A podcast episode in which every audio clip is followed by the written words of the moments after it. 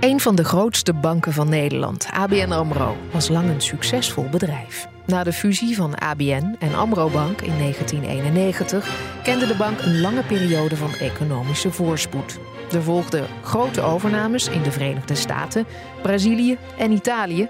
En uiteindelijk hoorde ABN AMRO bij de 15 grootste financiële instellingen ter wereld. Heeft u de champagne al opengetrokken of gaat u dat zo meteen doen? Dat heb ik nog niet gedaan, maar dat ga ik nu wel doen. Dat ben ik, Annette van Soest. Het is 26 september 2005 en ik werkte voor BNR als jonge economieredacteur. Op die dag sprintte ik op mijn fiets naar de Gustav Mahlerlaan aan de Amsterdamse Zuidas om topman Rijkman Groening te interviewen.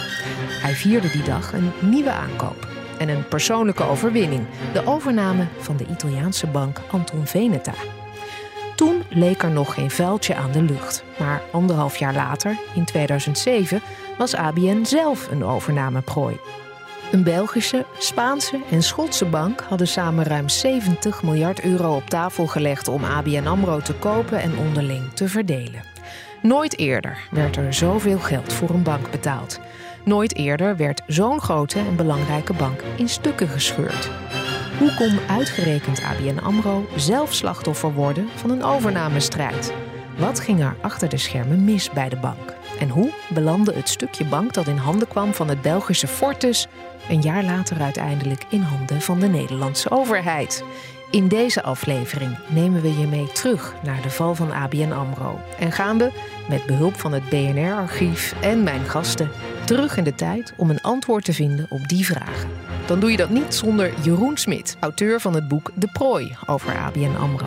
Ook de gast Jan de Wit, oud Tweede Kamerlid voor de SP en voormalig voorzitter van Commissie de Wit, die onderzoek deed naar de overname en de nationalisatie van ABN.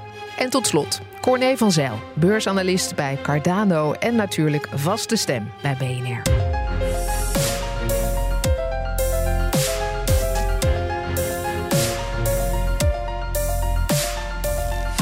Het vervagen van de oranje gloed bij Blauwe Zwaan KLM, de transformatie van ABN AMRO van jager naar prooi, de val van Haagse kabinetten en het vertrek van de eerste lidstaat uit de Europese Unie. BNR bestaat dit jaar 25 jaar. En in die 25 jaar is een hoop gebeurd, met de hoogste bomen in Nederland. Gelukkig hebben wij het nieuws al die tijd voor jullie op de voet gevolgd en waren we er ook in veel gevallen bij. Nederlandse bedrijven die zaken doen in Engeland hebben nog iedere dag te maken met enorme rompslomp die ontstaan is door die Brexit. Dames en heren, later vandaag zal ik aan Hare Majesteit de Koningin het ontslag aanbieden van de ministers en staatssecretarissen van PvdA-huizen. VND krijgt definitief geen doorstart. De curatoren van het failliete warenhuisbedrijf zijn er niet in geslaagd tot een akkoord te komen met de potentiële koper. Ik ga geen interviews geven over het verleden van ABN AMRO. Ik kan me goed voorstellen dat ze bij uh, werknemers bij KLM in Nederland... Uh, dat ze zich grote zorgen maken. Maar de zorgen bij de KLM is natuurlijk van een andere orde dan de zorgen bij Frans. Samen met de kopstukken uit die tijd blikken we terug op deze verhalen. Wie draaide er aan de knoppen? Waarom namen zij de besluiten die ze namen? En wat waren de gevolgen die tot vandaag de dag voelbaar zijn? Dit is een speciale eenmalige aflevering van Hoge Bomen. ABN AMRO van jager naar prooi. Even een rondje. ABN AMRO, uh, die overnamestrijd. Wat is jullie het meest bijgebleven van dit dossier? Als je één ding moest noemen. Jeroen. Jeetje. Uh, ja, dat is toch de, de hele grote les. Uh, die daarna in die crisis hè, van 2008-2009 ook zich manifesteert. De hele grote les dat dit soort instituten, dit soort banken, systeembanken... Hè, die in het systeem belangrijk zijn, dat het geen gewone bedrijven zijn. En op het moment dat die zich gaan gedragen als een gewoon bedrijf, een gewoon bedrijf in de zin van we zijn beursgenoteerd, we moeten winst maken, de concurrentie verslaan, uh, risico's lopen, et cetera. Deze, deze instellingen, op het moment dat het misgaat, moeten worden gered met belastinggeld. Moeten worden gered met belastinggeld. Op het moment dat je leiding geeft aan zo'n instituut, waarvan je weet, uiteindelijk als het misgaat, word ik gered, worden we gered met belastinggeld, zorgt voor fout gedrag. En wat ik me in die tijd enorm realiseerde, is dat de top van ABN AMRO bestond eigenlijk uit, nou, eh, de, de raad van bestuur, uh, en dan hebben we het over de, rond de eeuwwisseling, zou ik maar zeggen, uit zes identieke mannen. Met een identieke achtergrond. De een was lid geweest van het koor in Utrecht, de ander in Leiden, bij wijze van spreken.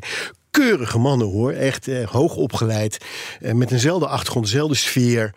En die moesten een wereldbank runnen. En ehm, die geloofden in hun eigen succes. Uh, waren er ook van overtuigd. Uh, waren gestopt met luisteren. Dat is vaak wel iets wat vaak gebeurt met mensen die heel succesvol zijn. Dan stopt het luisteren. En dat zag je heel expliciet bij die bank. En de ondertitel van het boek is ook Blinde trots breekt ABN AMRO. En dat, dat heb ik toen meer... Dat, dat is iets wat ik daarna ook heel veel uh, heb gerealiseerd. is een van de allergrootste problemen. Is het totale gebrek aan, aan luistervaardigheid, empathie. De ander naast je uitnodigen. En bij die bank zag je dat het allemaal in dezelfde hoek zat. Mannen die elkaar in het gelijk bevestigden. Constant, de hele tijd. Uh, en niet meer zagen dat de wereld aan het veranderen was. En dat ze langzaam zeker veranderden van een jager, een succesvolle grote bank, de bank, in een prooi.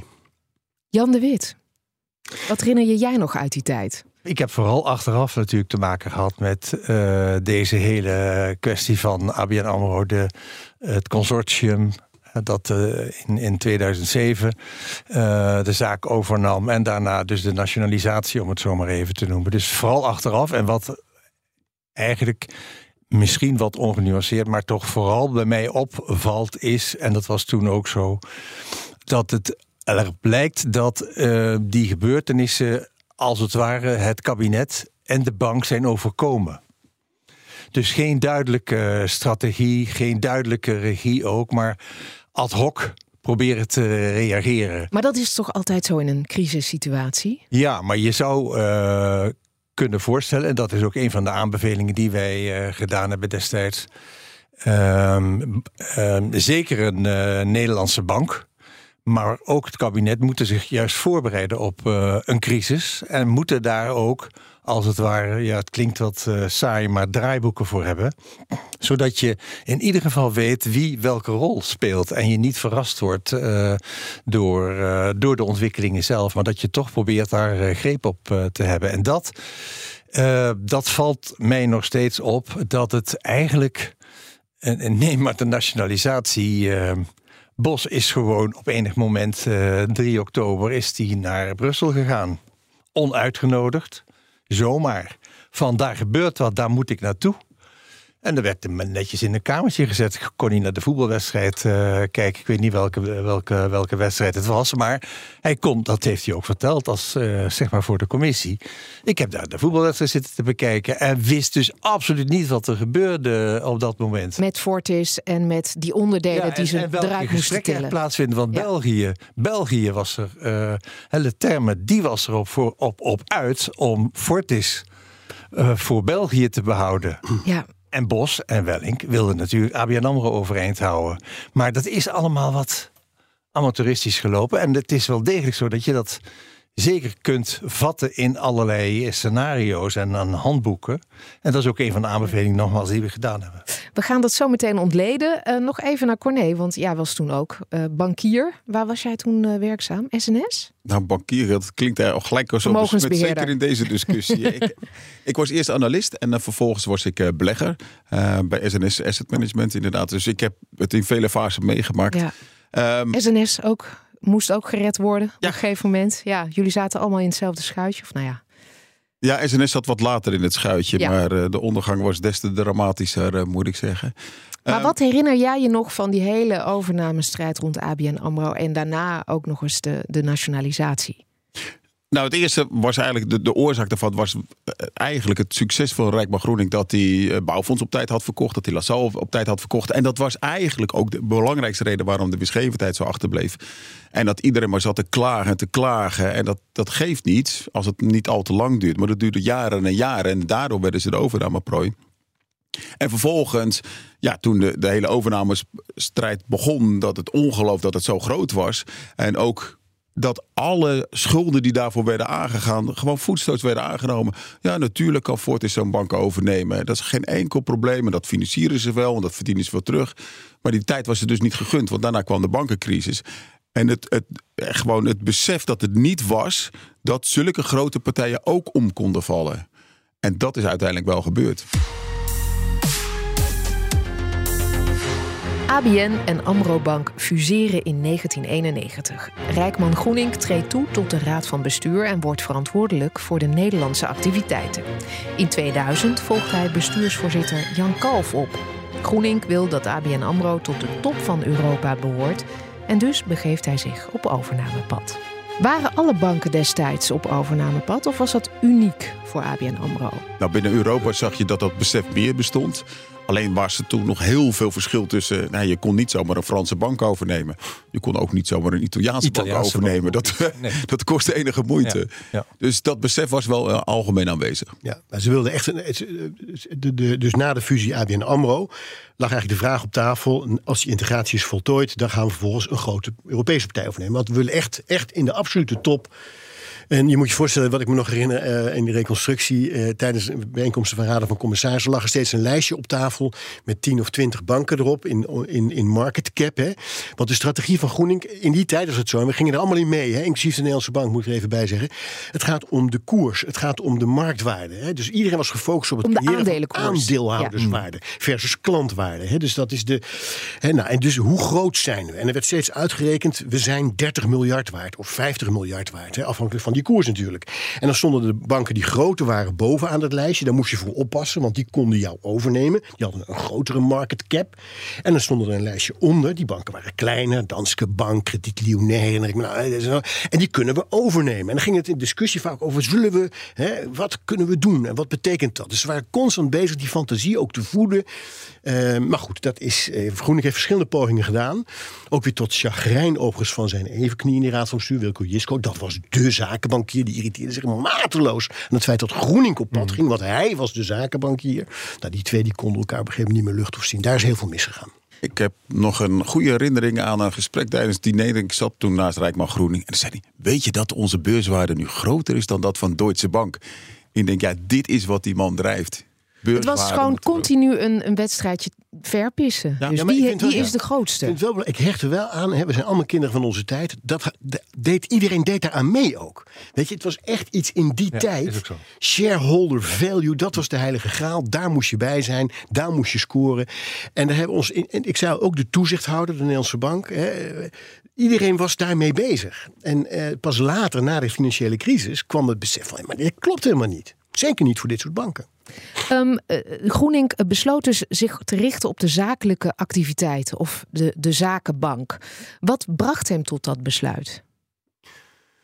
Nou ja, Wilco Jissoort was daar natuurlijk de grote man. Hè, en er was de fantasie. Uh, het was ook, ook weer in die tijd. Hè, dat waren de big swinging dicks, de masters of the universe. Die bankiers die megadeals deden en dan 3, 4, 5 procent van de, van de kosten van die deal als vier kregen uitgekeerd. Vaak tientallen, soms honderden miljoenen. Dat waren enorme verhalen waren dat. En dan had je de Goldman Sachs en Morgan Stanley. En er was zo'n fantasie van wij kunnen de Europese Goldman Sachs worden.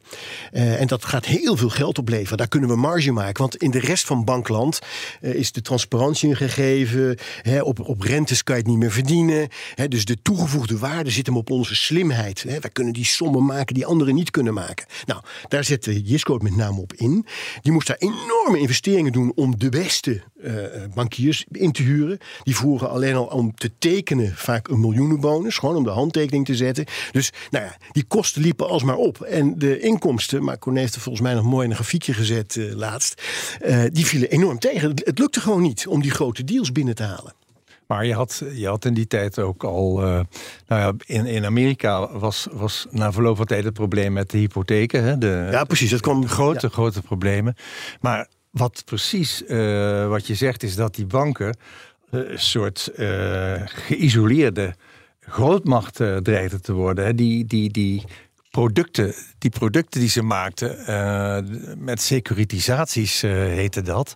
Dat waren producten van ordners duizend bladzijden, bij wijze van spreken, om te bevatten wat dat product nou was. En daar werd allemaal in gehandeld. Ja. Dat waren samengestelde producten. Dat kon bijna niemand meer. Eh, Leningen allemaal in stukjes gehakt, doorverpakt weer in pakketjes. ja. Slecht en goed door elkaar. En dat werd allemaal met elkaar uh, verhandeld. Waardoor die onderlinge verbondenheid uh, ook een groot uh, probleem werd na verloop van tijd. Maar het was een soort aparte wereld. En dat hebben ze ook heel erg uitgestraald. Wij ja. als bankiers zijn als het ware de top van, van een land of van de wereld. En dus heel erg ongenaakbaar in feite. En daarbij passende beloningen die ze, die ze opstreken. Dat, uh, het was gewoon een ontwikkeling die helemaal uit de klauw is gelopen, zou je kunnen zeggen. Ik wil even terug naar die overnames van ABN AMRO. Die agressieve, die agressieve overnamestrategie. Corné, voegde die overname van Anton Veneta nou echt iets toe aan ABN AMRO? Nee.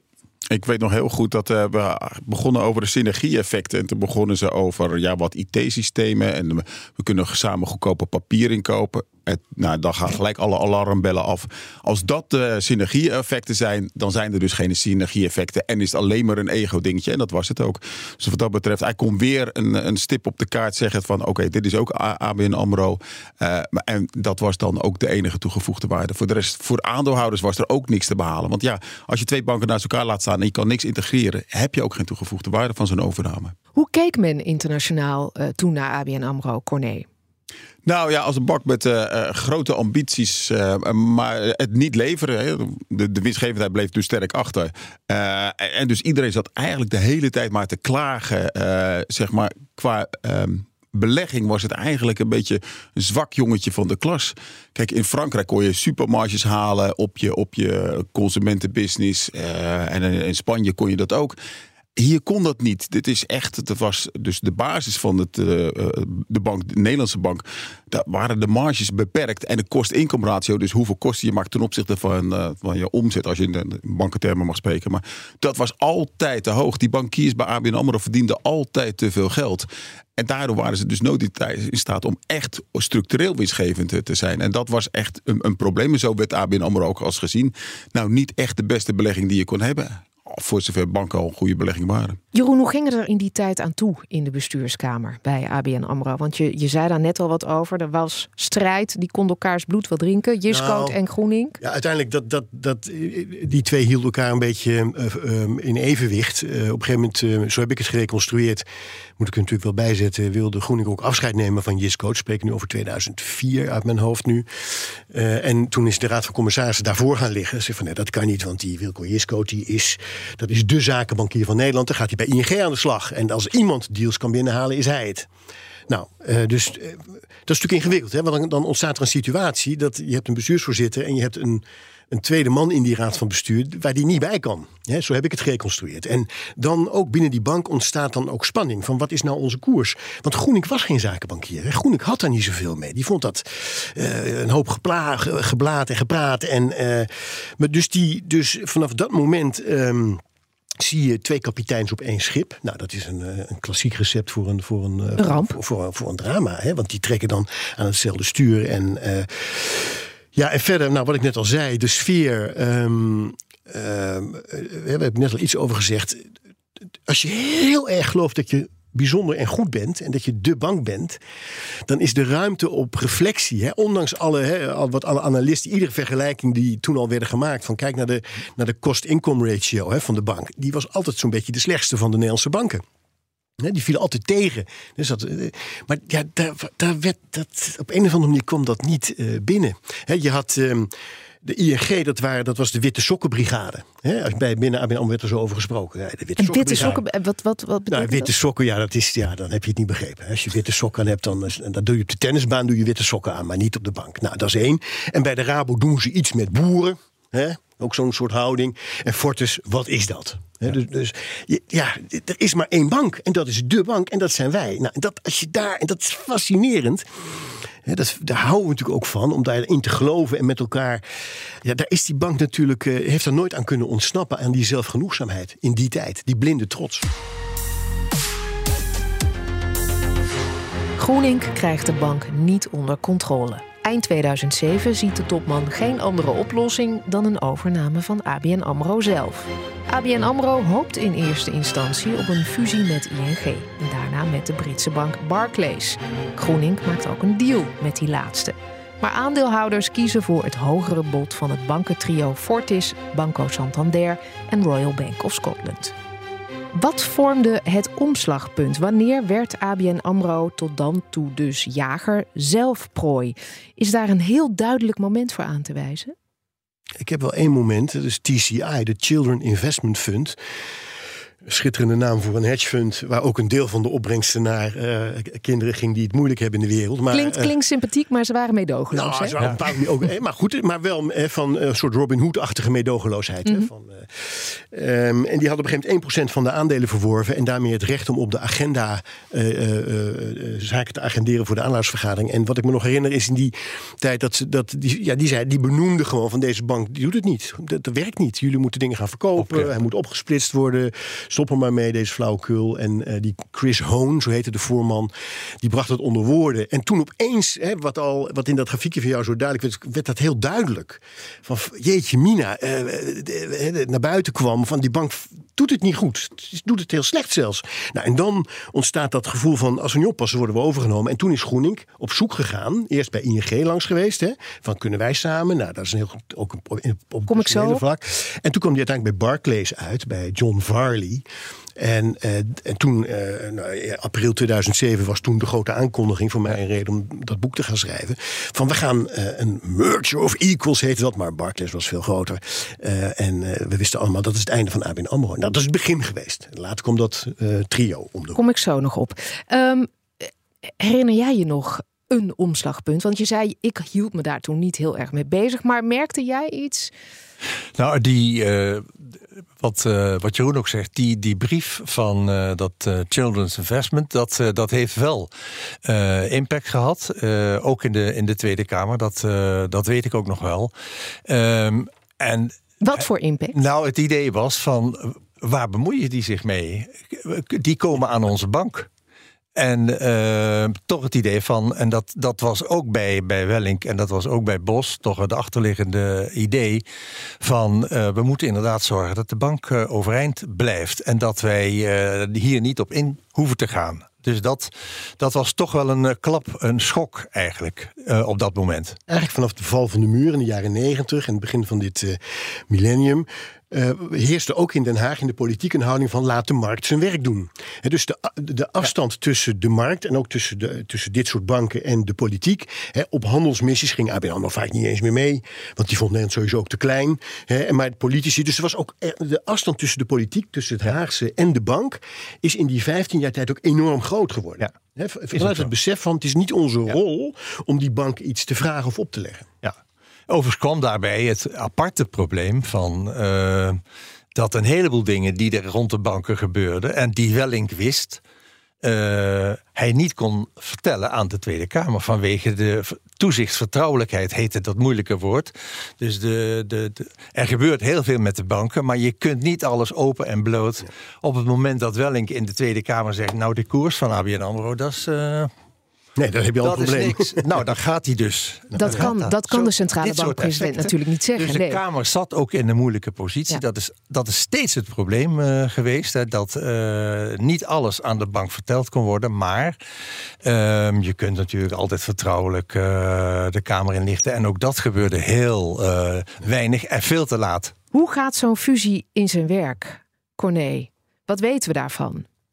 Nou ja, moeizaam. Uh, enerzijds omdat je dus een, een groot bedrijf in drieën ja, opsplitst, die wordt uit elkaar getrokken. Nou is het wel het voordeel dat er eigenlijk, dat is eigenlijk ook kern van het probleem, dat er nooit echt sprake was van integratie. Want uh, Banco di Brasil kon je er gewoon afhalen, kon je er gewoon afhalen zonder enkel probleem. Wat wel aangeeft dat van al die integratievoordelen er geen sprake was. Uh, maar dan moet het worden opgesplitst. Wie, wie krijgt welke kosten, wie krijgt welke uh, ja, delen van de bank.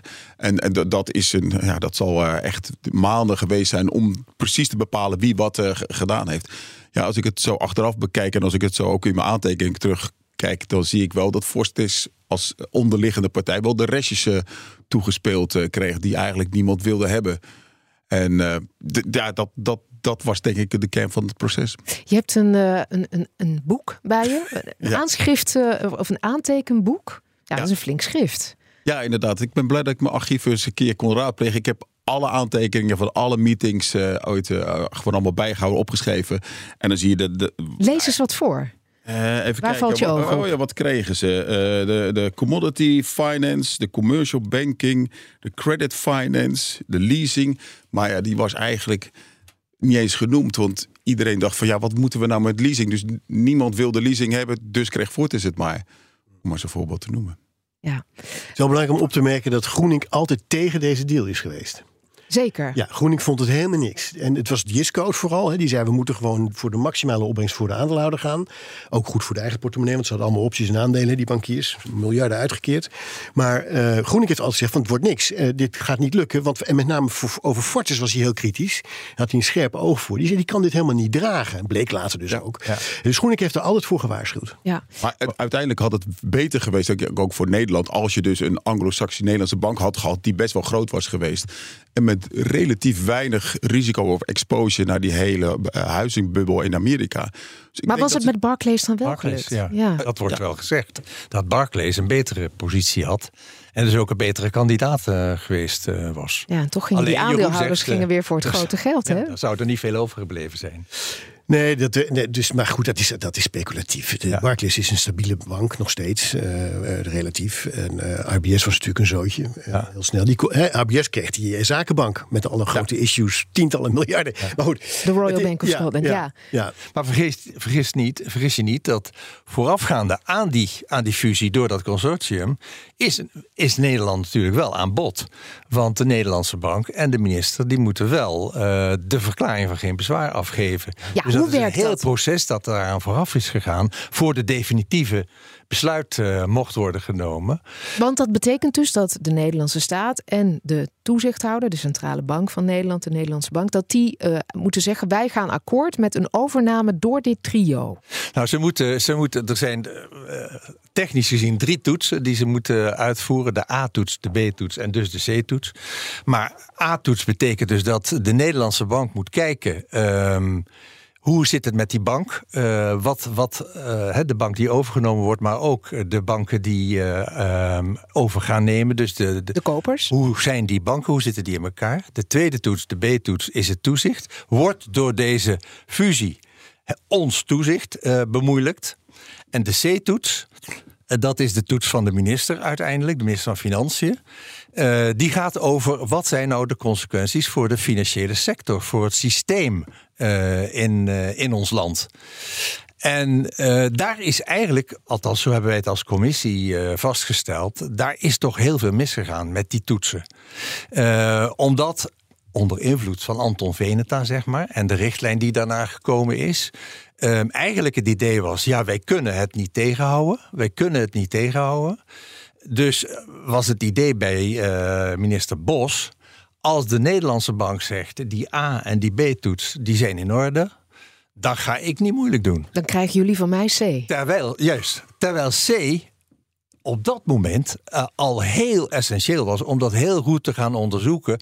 Hoe zit de financiële wereld internationaal in elkaar? Hoe zijn die banken zelf uh, gefinancierd? Hoe hebben, hebben die geld, bijvoorbeeld Fortis moest, moest, moest dat geld voor die fusie contant uh, betalen? Wat was het ook weer 20 miljard, 25 miljard? 24 miljard. 24 miljard, ja. 24 miljard. Dus al dat soort aspecten hadden veel dieper uh, onderzocht uh, moeten worden. Maar daar zaten een aantal vraagtekens. En, en Welling noemde dat, ja, we, de, de gaatjestheorie, hè, zo is, is dat gaan worden. De gaatjestheorie. Er zitten wel gaatjes, maar die gaan we oplossen. Die gaan we gaan vullen. we voorwaarden aan stellen. En uh, dan, dan, dan is dat onze rol, is daarmee klaar. Ja, en Bos en Wellink hielden elkaar een beetje, ja. want Bos zat te wachten ja. op een nee van Wellink. Als Wellink, ja, dat was een beetje de. Als Wellink nou zegt, uh, dit lijkt me niet goed, dan durf ik het ook te zeggen. Groening probeerde ondertussen Bos steeds te bellen en te pakken te krijgen. En die hield afstand hè, die tot Groening. Die had er geen zin in. En, want Groening Kom op, grijp in, dit mag niet gebeuren. Ja. Ja. He, dus het was echt even heel spannend. Maar het, nogmaals, omdat ze toen bij Anton Veneta zo agressief hadden geroepen: uh, je niet bemoeien. Hebben, Bos, ze, hè? hebben ze zelf. Hebben ze gezegd van, nou, dan moeten wij dit ook toestaan. Het, het, beste, het beste bewijs hoe slecht het gegaan is met die toetsen, is gewoon als je kijkt naar de ontwikkeling na, na dat tot hoe lang, heeft het, hoe lang heeft het geduurd voordat uh, we erachter kwamen: Fortis heeft dat geld helemaal niet? Ze komen hier gigantisch door in de problemen. Nou, dat zag toen je de eerste kraakjes zag in het hele systeem. Dat banken gewoon onder druk konden staan. Waardoor de koers van Fortis onder druk kwam te staan. Daardoor konden ze geen aandelenemissie doen tegen een beetje. En dan moesten ze veel te veel aandelen uitgeven. En, en op dat moment werd wel duidelijk eh, dat de financiering van deze hele deal gewoon onder problemen kwam. En de oorzaak daarvan was dan weer de kredietcrisis De in kredietcrisis Amerika. kwam op was stoom, eh, de. Zomer 2008 had je die twee banken in Amerika, hè? Die, eh, die wat relatief kleinere banken, herinner ik me. Maar die kwam toen al op stoom. In de zomer van 2008 begon daar al van alles eh, de te tijden van de, de hele overname zag je al de eerste problemen naar boven komen drijven. En eigenlijk, ja, op het moment dat ze bezig waren om de boel te financieren, viel de markt eigenlijk al een beetje in elkaar. En toen vroeg Lippens, Maurice Lippens, vroeg toen op enig moment... Zeg hè, even, toen de president-commissaris van, eh, van, eh, van, van, van Fortis, die ook heel trots was en zo, maar die vroeg toen aan Jean-Paul Vautron, toen de CEO, ex-ABN AMRO, was ook een soort revanche-achtig gevoel achteronder. Hè, van, nee, maar, en toen vroeg hij, eh, herinner ik me nu opeens weer, sturen wij niet een schip vol met goud beladen een zware storm in? Dat was toen in september 2008, een beetje in die, in die buurt. En Maar toen, toen viel ook al heel snel Lehman om in september Ja, 2008. precies. Dus het was allemaal zo'n beetje in die tijd. Dus die vraag ook. Hè, stuur, en je ziet dat schip zo voor je, hè, volgeladen met goud. Hè, de ABN AMRO. En dan die storm die eraan komt. En gaan we En dat ze goed hebben geen interim dividend uitbetaald hè, toen in die tijd. Dus het was een hele zwaar signaal aan de markt. Toen haakte het Ze betalen geen dividend uit. Wat moet dat, eh, wat moet dat worden? En de toezichthouder in België eh, van de CBFA, zo heet die club eh, daar, die had grote mot met eh Wellink. Dus die konden elkaar ook weer niet eh, velen, zeg maar. En daar zit je dus met het probleem. Wellink als Nederlands toezichthouder, die vraagt aan de Belgische toezichthouder: hoe zit dat nou allemaal? Dan zeggen ze: heb jij niks mee te maken, joh. Het klinkt alsof de ratio ver weg is in Ja. dit alles. Het gaat vooral ook om ego's. Ja, emotie natuurlijk. Ja. Ja. Ja. Vooral bij Fortis was de ego het grootst. En ik denk dat Santander het meest rationeel naar de hele business heeft gekeken. En dat was ook de lachende derde. Die heeft ook het makkelijkst gehad eigenlijk. hè, Die heeft, ja, en die heeft ook het meest eraan verdiend. Die kwamen na de hand wel in, uiteindelijk in de problemen. Maar dat was na, na een tiental jaren pas. Maar op dat moment waren zij degene die eh, echt met kop en schouders boven de rest uitstaken. Jeroen, waarom is het eigenlijk niet gelukt om ABN AMRO met ING te laten samengaan? Ja, daar zat ook, daar zat ook eh, een hoop, zoals ik het heb gereconstrueerd, emotie. Dus er was, want eh, de toezichthouder, Nout Welling, toen was daar eh, voorstander van. Die zag dat helemaal zitten. Want dan krijg je in Nederland, nou ja, de grootste bank van Europa was het geloof ik, of voor één na of zoiets. Het was echt, dat ga. Maar ehm, zoals ik het heb gereconstrueerd, eh, Michel Tilman was toen de CEO van eh, ING. En kom, eh, hoe heette de president-commissaris ook alweer van ING? Dat was toen Herkstreuter, de oude Shell-baas. En de president-commissaris van ABN AMRO was die Amerikaan, wiens naam ze nou, nou even ontschoten is. Maar goed. En die op een gegeven moment eh, in dat spel van wie wordt wanneer de baas. Dus het was eh, wie. eh, dus Groening stelde dan voor dat Tilman de eerste twee jaar geloof ik mocht doen. En dan ging hij daarna nog een heel stuk doen. Maar daar zat heel veel spanning op. op Groening werd binnen ING gezien als een straatvechter. Dus daar was heel veel sentiment ook omheen. En ehm, eh, wat ik me herinner, in, in dat, want dat was lastig om dat goed gereconstrueerd te krijgen. Uiteindelijk zijn ze daar gewoon niet uitgekomen. Het duurde allemaal heel, veel te lang ook. Groening had, hè, er was haast nodig. Hè, dat hele TCI-verhaal speelde. En de koers zat onder druk. En eh, we moeten nu, we moeten nu. En, en, en Tilman moest zijn achterban meekrijgen. Dat lukte ook maar half. Dus uiteindelijk is het gewoon niet, niet, niet, niet tot stand gekomen. ING is zelf afgehaakt zelfs. Hè? ING heeft op een gegeven moment zich klaar. Tilman heeft laten weten, we, we doen het niet. Ja, toen was, ja, En dat toen was klaar. Ja. Maar inderdaad, eh de onderliggende idee was ING. Maar ook omdat ze daar ook een, een onderdeel was dat Groening op een gegeven moment ook, eh, terwijl hij met ING aan het praten was, ook met Barclays ging praten. Want hij, eh, ja, hoe gaat dit aflopen? Dus ik ga nog een, een traject inzetten. En daar kwamen ze bij ING op een gegeven moment ook weer achter. En nou ja, eh, heel veel gedoe. En toen hebben ze inderdaad zelf, gezegd van nou, we doen het niet, punt. Fortis komt door de kredietcrisis in zwaar weer. Daarop maakt de Belgische bank in oktober 2008 bekend dat ze haar ABN AMRO-onderdelen gaat verkopen aan de Nederlandse staat. Ehm, Jan, hoe werd dit nieuws in Nederland ontvangen? Want ik kan me niet echt paniek herinneren in de Tweede Kamer. Eh, Nee, ik ook niet. Kan ik mij absoluut eh, niet herinneren. Het punt was wel dat wel het idee, ook in de Tweede Kamer, bij mijn weten, was dat ja, Fortis is een wat zwakke, uh, zwakke is een, heeft een zwakke positie. Dus op zichzelf is het misschien gelukkig als Fortis dat ook inziet en uh, maatregelen wil treffen. Maar het heeft niet meteen tot alarmbellen geleid. Als we kijken naar die ondergang van ABN AMRO, uh, de ooit grootste bank ehm, van Nederland, is die helemaal aan Groening toe te rekenen? In hoeverre is die ondergang hem toe te rekenen? Ik vind het te makkelijk om Groening daarvan de schuld te geven. Die zit, hmm. die, die zit ook in dat systeem. Um, feit is wel dat Groening, wat mij betreft feit... ja, by far de slimste jongen van de klas is.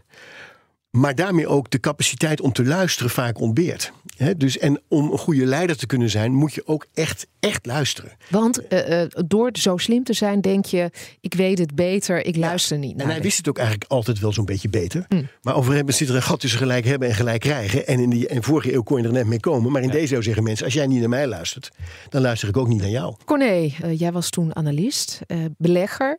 Was die overname-strijd, was dat het onderwerp, het gespreksonderwerp van de dag bij jullie op kantoor?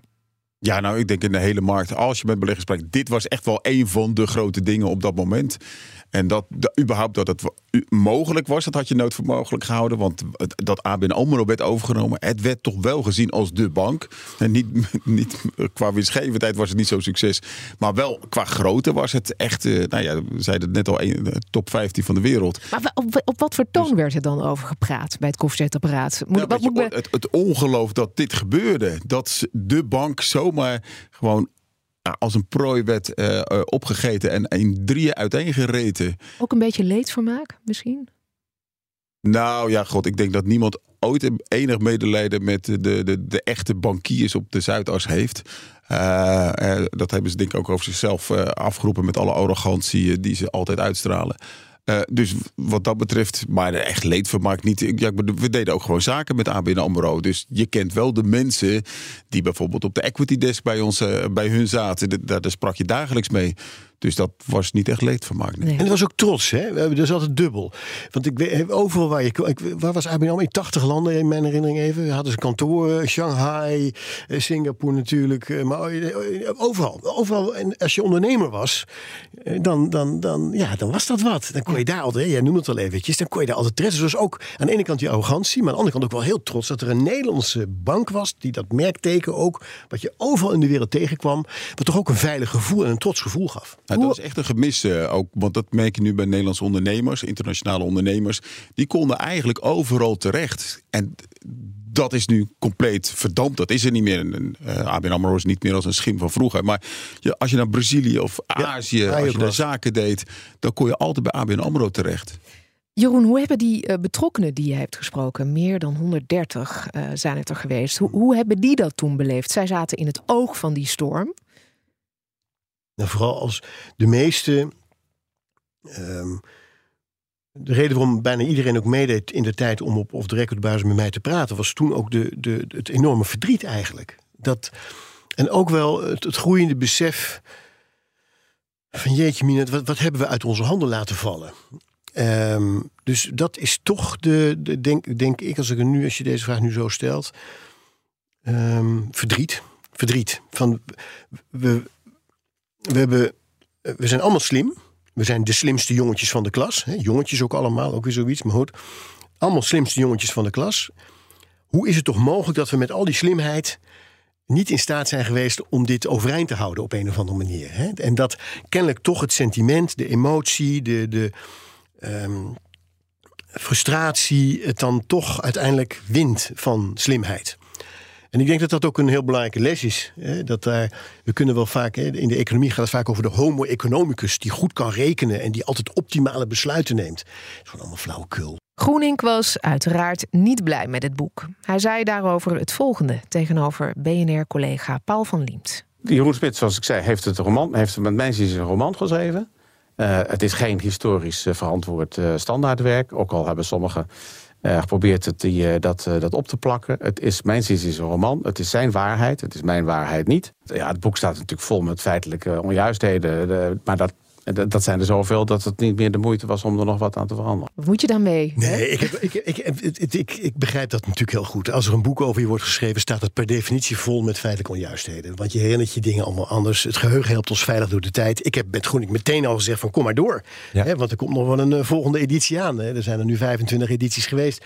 Kom maar door. W wat dan? Hè? In ieder geval grote dingen. Als er fout in staan, moet ik die rechtzetten. Maar dat is nooit, uh, nooit gebeurd. Uh, tegen mij zegt hij, heeft hij wel eens gezegd voor een journalist heb je best aardig werk verzet. Um, maar eigenlijk wordt het natuurlijk, is het natuurlijk belangrijk dat op een gegeven moment twee, drie, had hij het ook over, mensen erop gaan promoveren. He, en dan uh, alle stukken, alle agenda's en alles bekijken. Ja. En dan gewoon jarenlang daarmee bezig zijn. En dan pas he, kan je tot iets van een.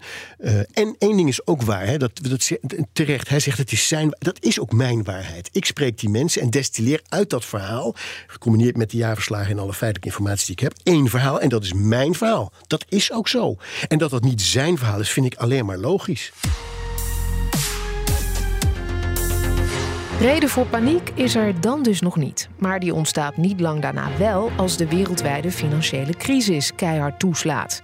De Tweede Kamer stelt een onderzoek in naar de oorzaken van de kredietcrisis, de problemen die dat opleverde voor Nederlandse banken en de rol van het kabinet daarin. SP'er Jan de Wit wordt de voorzitter van de tijdelijke onderzoekscommissie. Commissie De Wit wil vooral ook weten of de waardering van de Nederlandse Fortis-delen door zakenbank Lazard deugde. De staat betaalde 16,8 miljard euro voor de Nederlandse delen van Fortis, waaronder ABN AMRO. Jullie kwamen tot de conclusie dat de Nederlandse staat ruim 8 miljard te veel betaalde ja. daarvoor. Hoe is die uh, commissie tot dit bedrag gekomen? Het bleek dat uh, in de eerste plaats Lazar uh, ook niet helemaal op de hoogte was van alle uh, tekorten bij dat hele concern. en dan hebben we het over wat voor tekorten? nou, we hebben het over. We hebben het eigenlijk over twee bedragen die dan gekoppeld zijn aan hele moeilijke dingen. De Z-share en de N-share, dus de Z-share, als ik het mag noemen, was een beetje een verzameling van delen waar men geen raad mee wist. Oneerbiedig uitgezegd, een, een, een beetje een prullenmand zal ik het maar noemen. Daar zaten een heleboel dingen. Daar zat een tekort van 2,5 miljard ongeveer. Dat had Lazar niet gezien. Uh, dus hebben dat gewoon niet goed uh, bekeken. Uh, Lazar heeft het ook niet verteld, natuurlijk, aan uh, de Nederlandse bank en ook niet aan Bos. Nee, want ze wisten, Die wisten het, niet. het niet. Er zat ook een tekort op, de, op het deel van Fortis, ook zo'n ruim 2 miljard. dat hadden ze wel gezien, maar daar hebben ze verder geen betekenis aan gehecht. Dus wij kwamen ehm, al tot een tekort van ruim 6, 6 miljard. Uh, op het moment dat de deal werd uh, gesloten. Er was een waardering van de bank. Die lag tussen de 10 en de 12, de, tussen de 12 en de 20 uh, miljard zo ongeveer. Nou, als je dat ervan aftrekt, die tekorten ervan aftrekt, dan zit je met 16 miljard al veel te hoog. Uh, dus dat was onze, onze redenering. Uh, die 16,8 miljard, dat was te veel. Omdat geen rekening is te houden met de tekorten die er waren. Bovendien, en dat kwam later ook natuurlijk, kreeg je hele moeilijke dingen met de, de herkapitalisaties die plaats moesten vinden bleek de Europese Commissie ook nog een maatregel te treffen, waardoor ook extra uitgaven nodig waren.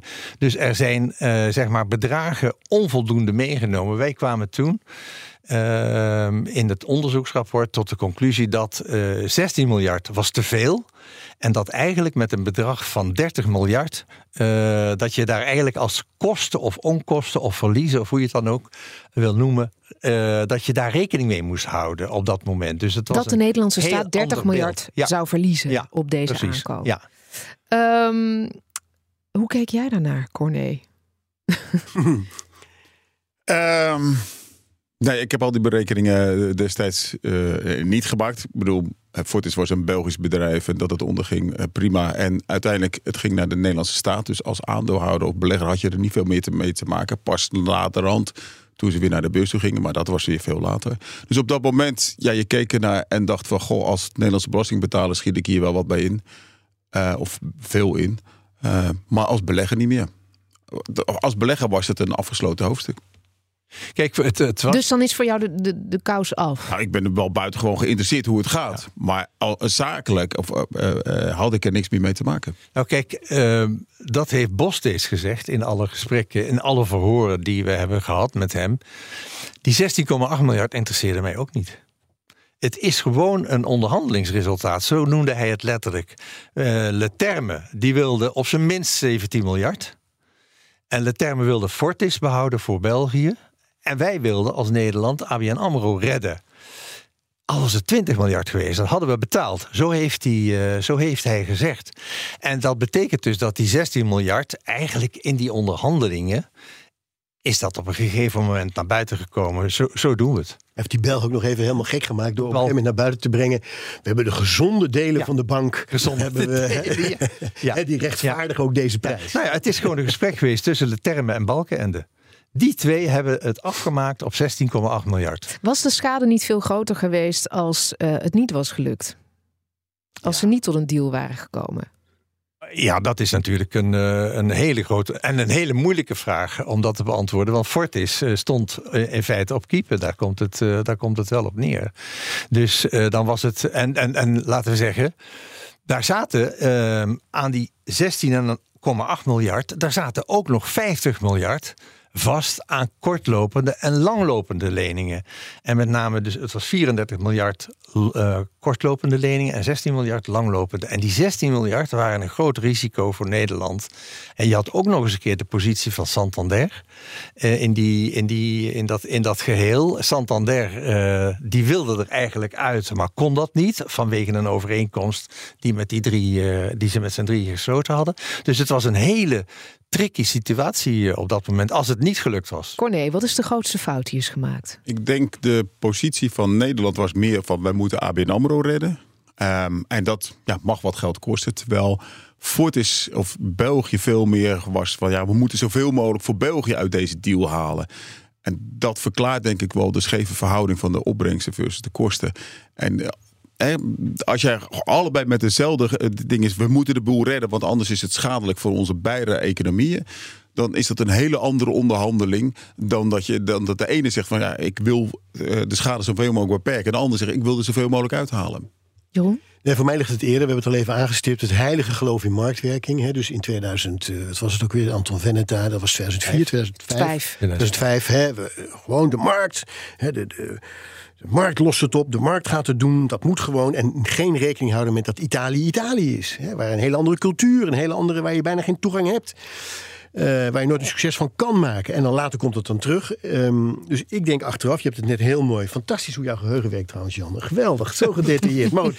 Uh, ja, mooi. Maar ook met dat uh, ABC, hè, die, die goedkeuringen, ja. die, drie, die, die, die drie trapsraket, daar is de fout gemaakt. Uiteindelijk had Wellink, Bos de moed moeten hebben uh, uh, om te zeggen: dit, deze bank is voor ons te belangrijk. We gaan hem niet verkopen aan dat trio uh, cowboys die de boel uit elkaar gaan scheuren. Want als je iets uit elkaar scheurt, hè, later komt nog een vierde stuk bij Deutsche Bank. Hè, dat, ja, daar, daar, daar gaat er heel veel kapot. Daar, daar, ze hadden toen de. Ja, de maar ja, dat zat. Er was echt dat heilige geloof. Ik, ik, herinner me ook nog dat Wouter Bos ergens zei: van ja, maar ik kan. Dit zijn toch alle drie gezonde banken. Hè, dus hoe kan ik daar nee tegen zeggen?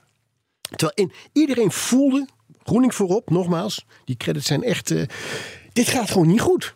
Ja. Iedereen voelde het gaat niet goed, maar niemand durfde te zeggen. Oké, okay, dan moeten we het ook niet doen. Ja, ja. En toen hebben ze door laten gaan. Ja. Want Fortis was op zich wel een gezonde bank, maar niet met die schuldenlast die ze moesten nee, op, op Vanwege die aankoop. Veel te groot. Dat is te groot. Wat, wat zijn de nog altijd merkbare gevolgen van uh, de ondergang van wat ooit de grootste bank van Nederland was? Nou, een van de belangrijkste gevolgen voor de Nederlandse economie is dat de gemiddelde ondernemer niet meer heel makkelijk naar het buitenland kan en weet van oké, okay, als ik naar Vietnam ga, dan zit daar een ABN AMRO en die vertelt me eventjes van ja, daar moet je op letten, daar moet je op. En dat, dat is er niet meer en dat is echt gewoon een structureel probleem geworden voor Nederland. Voor de Nederlandse ondernemers ja. over de grens. Jan? Als ik het dan even mag beperken tot de rol van de Tweede Kamer, ik denk dat dat, uh, dat, dat belangrijk is. Um, daar is, het, daar is het eigenlijk ook fout gegaan, um, naar mijn mening. Um, als je kijkt, um, de aanbevelingen die wij gedaan hebben, dat waren er in twee tranches, zeg maar twee rapporten met veel uh, aanbevelingen. Daar heeft de Kamer uiteindelijk, uh, doordat de minister dat netjes in beeld heeft gebracht met een soort matrix, hè, met de maatregelen en de tijd en wanneer gaan we het doen, dat heeft in het begin heeft dat gewerkt. Uh, werden er uh, commissievergaderingen gehouden waarbij gekeken werd: wat doe je met die maatregelen? En met die en die en die. En de minister verantwoordde dat. Maar er waren een aantal belangrijke aanbevelingen, bijvoorbeeld de buffers van de banken de ratio's, zeg maar, de kapitaalratio's. Waar het bij heel veel banken misgegaan is in al die faillissementen en al die banken die omgevallen zijn. En recent, kijk maar naar Credit uh, Suisse. Dat is dus het element van uh, dat de banken niet voldoende vlees op de botten hadden. de kapitaalratio's waren veel te laag. In de tijd van de crisis was het maar 2, ik meet 2, 2 à 3 procent was dat.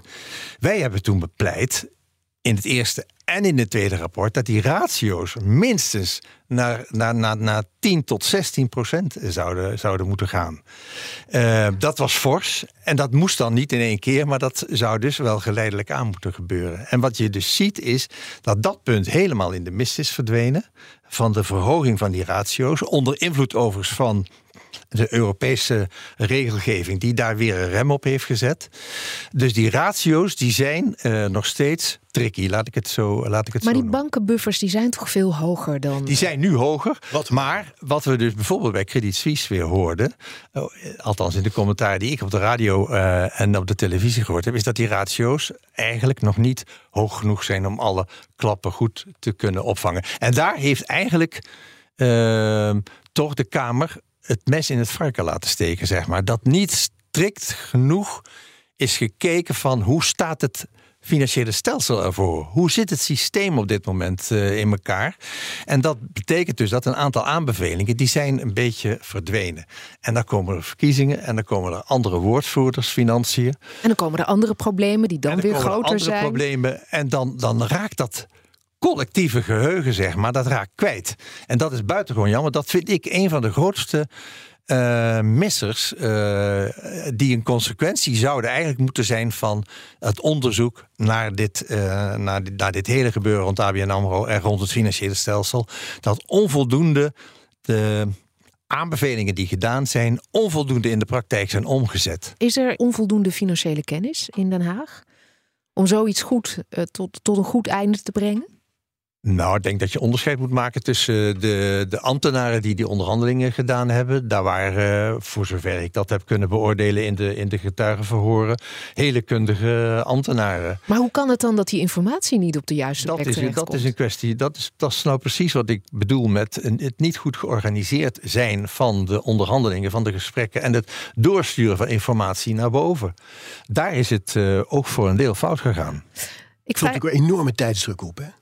Het is niet zo van we gaan eens even rustig alles tot ons nemen. En uh, het was echt dagenwerk, toch? Ja. De, Ja. Nee, dat klopt. Ja, maar als ik jou nu de vraag stel, heeft de politiek iets geleerd van dit alles? Dan proef ik, uh, hè, ook al eerder dit jaar vielen er weer banken om. In Zwitserland kocht UBS, uh, het Ja. noodlijdende Credit Suisse, uh, om een dreigende bankencrisis te voorkomen. Dan zeg jij, niet voldoende geleerd? Ja, is er, dat, dat, dat, eh, dat, ben ik, dat ben ik echt van mening. Ik heb dat nogmaals ook in.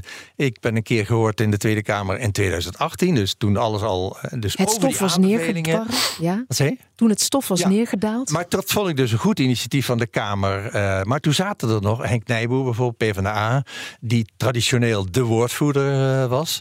Eh, er zaten nog een aantal woordvoerders in die er van wanten wisten. Maar ja, dat is helemaal eh, verdwenen. En dat vind ik, dat is echt een verwijt dat ik de Kamer maak. Eh, Wat ik gezegd heb, ze laten het mes in het vark steken.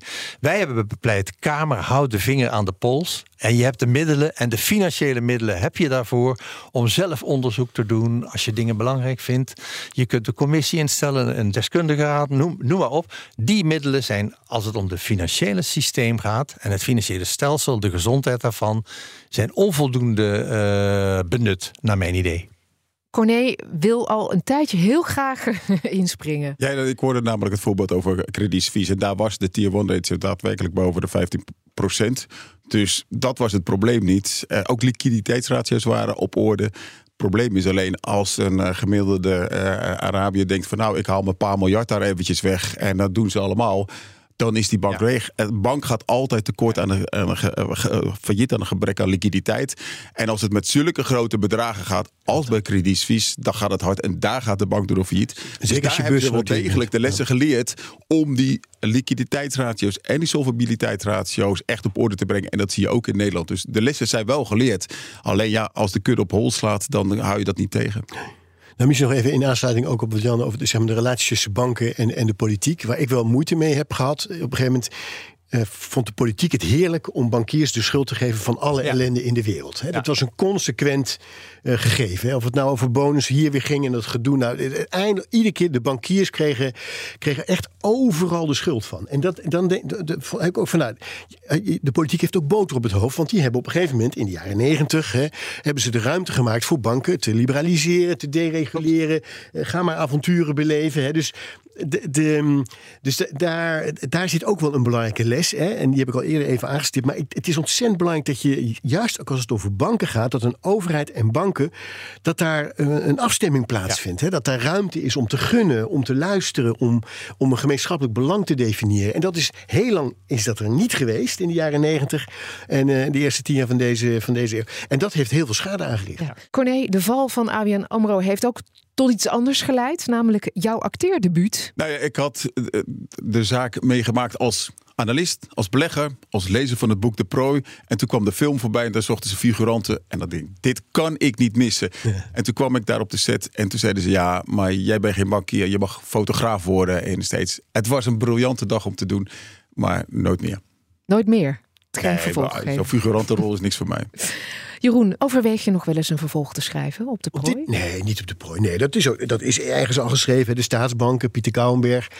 eh, het hele verhaal van Zalm. En enfin, de hele nasleep daarvan. Een prachtig boek. Dus dat is al gemaakt. Eh, nee, nee, nee, zeker niet. Nee. nee, het was heerlijk om te doen. En ik heb eh, een half jaar, denk ik, bijna iedere nacht over Rijkman Groening gedroomd. Was dat leuk, ja? Nou ja, weet je, als je zo'n boek schrijft, en misschien herkent Jan dat als, als, als je met zo'n. Want je bent ook maanden ermee bezig geweest. Hè? Vier jaar. Ja, dus, maar, maar echt intensief ook. Vier- Maar heb je dan ook was- dat je dan. Dan wordt het een obsessie, toch? Dan kan je bijna niks anders meer dan die puzzel willen leggen. Hè? En welk, op Ja. zoek naar dat ene stukje wat nog ontbreekt. Ja, nee, dat is, eh, dat is, dat is wel waar. En eh, ik ben toen door de fractie van de SP vrijgesteld om dat helemaal te doen. Daar heb ik dus vier jaar eh, de tijd voor gehad. Hè. Dus al liep eigenlijk van 2009. Fulltime vier jaar? Ja. En het eh, probleem, eh, dus wat ik, wat ik steeds eh, zo frustrerend vond, dat is dat elke dag eh, lag op mijn eh, bureau weer een stapel van nieuwe persberichten, nieuwe artikelen, allemaal over die financiële wereld. En dat Het hield bleef niet op. Dat ging maar door. Dat Ook maar gedroomd over Rijkman Groening? Nee, dat nog nooit. Dat, dat kan ik met eh, de hand op het hart. dat heb ik niet gedaan. Nee, het, is, als het, kan je je iets bij voorstellen dat iets een obsessie wordt? Ja, ja. Dus ik, ik vond het helemaal niet vervelend. Het was gewoon eh, willen begrijpen wat er aan de hand eh, was. Ja. Dank jullie wel dat jullie die tijd weer met ons wilden herbeleven. Dank je wel. Ik ben Annette van Soest en je luisterde naar een speciale eenmalige aflevering van Hoge Bomen. ABN AMRO van jager naar prooi. Je hoorde Jeroen Smit, auteur van het boek De Prooi. Jan de Wit, oud Tweede Kamerlid voor de SP en voormalig voorzitter van Commissie de Wit. En Corné van Zijl, beursanalist bij Cardano en vaste stem van BNR. Luister ook de andere afleveringen. Je vindt ze allemaal in je podcast-app.